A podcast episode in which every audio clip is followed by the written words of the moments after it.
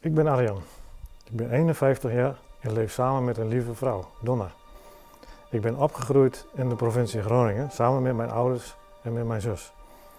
Mijn ouders hebben mij opgevoed met het geloof in God. Ik ging elke zondag mee naar de kerk en naar de zondagschool. Later ging ik met de jeugd naar christelijke festivals, zoals Opwekking, ging ik naar bijbelstudies en heb ik als drummer in meerdere bands gespeeld. Vanaf mijn negentiende moest ik de dienstplicht vervullen. Dit was voor mij een hele nieuwe wereld en dit maakte ook dat ik geen contact meer met God zocht. De jeugd waar ik altijd mee omging, die was er niet meer. En omdat iedereen ook zijn eigen weg ging. Het welbekende huisje, boompje, beestje. Ik richtte mij op mijn werk bij Defensie. Ik voelde mij hier thuis en genoot van de vrijheid. Tot mijn 37e ben ik werkzaam geweest bij de Landmacht, de Marine, de Luchtmacht en de Marechaussee. Ik verbleef in die tijd vaak op de kazerne. Ik had veel gezellige collega's om mij heen, maar na het werk was ik ook vaak alleen. Ik had ruimte voor mijzelf nodig. Ik merkte dat de veel sociale prikkels niets voor mij waren. Wat ik vaak miste op deze momenten was warmte, liefde en genegenheid. Om dit toch te voelen ging ik in die tijd geregeld naar vrouwen die hun diensten aanboden tegen betaling. Ik deed dit voor het genot en om het gevoel te ervaren om geliefd te zijn door een vrouw. Toch wist ik van binnen dat dit geen liefde was. En ik voelde mij dan ook vaak schuldig. Er waren collega's die tegen mij zeiden: Je bent een fijne vent, maar soms wel apart. Ik vroeg mij dan vaak af: Ben ik dan zo anders dan anderen?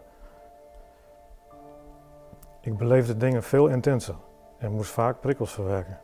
Ik was soms verlegen in contact en kon mij snel ongemakkelijk voelen in mijn doen en laten. Ondanks lieve familie, vrienden en collega's voelde ik mij in het anders zijn vaak alleen en onbegrepen. Ik weet nu pas dat ik kwam omdat ik hoogsensitief ben, ook wel HSP genoemd. Kenmerken van mijn gedrag en gevoelens passen hierbij. Het viel op zijn plek toen ik erover las en erover begon na te denken en dit heeft mij geholpen om mezelf beter te begrijpen. Op ongeveer mijn 45ste jaar maakte het vele alleen zijn plaats voor een vrouw, Donna. Zij raakte zwanger van een tweeling. Totaal onverwachts is de tweeling overleden in de buik. Er brak een lange tijd van intense verdriet en van rouw aan. Mijn ouders, mijn zus en mijn oma hebben altijd voor ons gebeden, ook in deze moeilijke tijd. Ik werkte ondertussen niet meer bij Defensie, maar bij de politie. Toen ik op een nieuwe functie solliciteerde, ontmoette ik ook mijn nieuwe collega, Jorrit. Jorrit heeft zich nog niet zo lang geleden ook laten dopen. Door zijn enthousiasme en zijn sterke geloof is ook mijn vlammetje voor God weer gaan branden. Ik zag dagelijks God werken door Jorrit heen.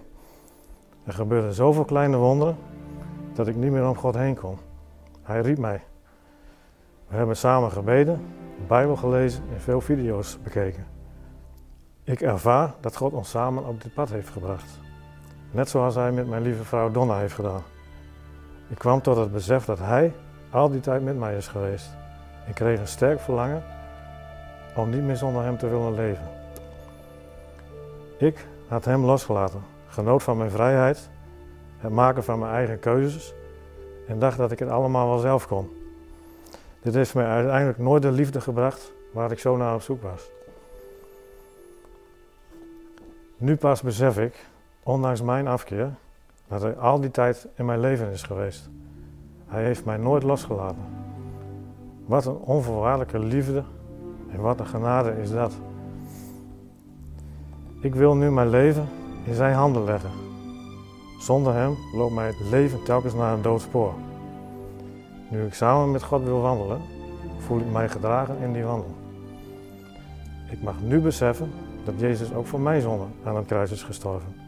En ik vergeven ben voor mijn fouten en mijn tekortkomingen in het verleden. Door mijn geloof heeft angst, verdriet en gemis voor de dood plaatsgemaakt voor een perspectief op eeuwig leven, zonder pijn en zonder verdriet. En nu ik weet dat ik hoogsensitief ben, mag ik vooral weten dat God mij uniek heeft geschapen en ik helemaal mijzelf mag zijn bij Hem.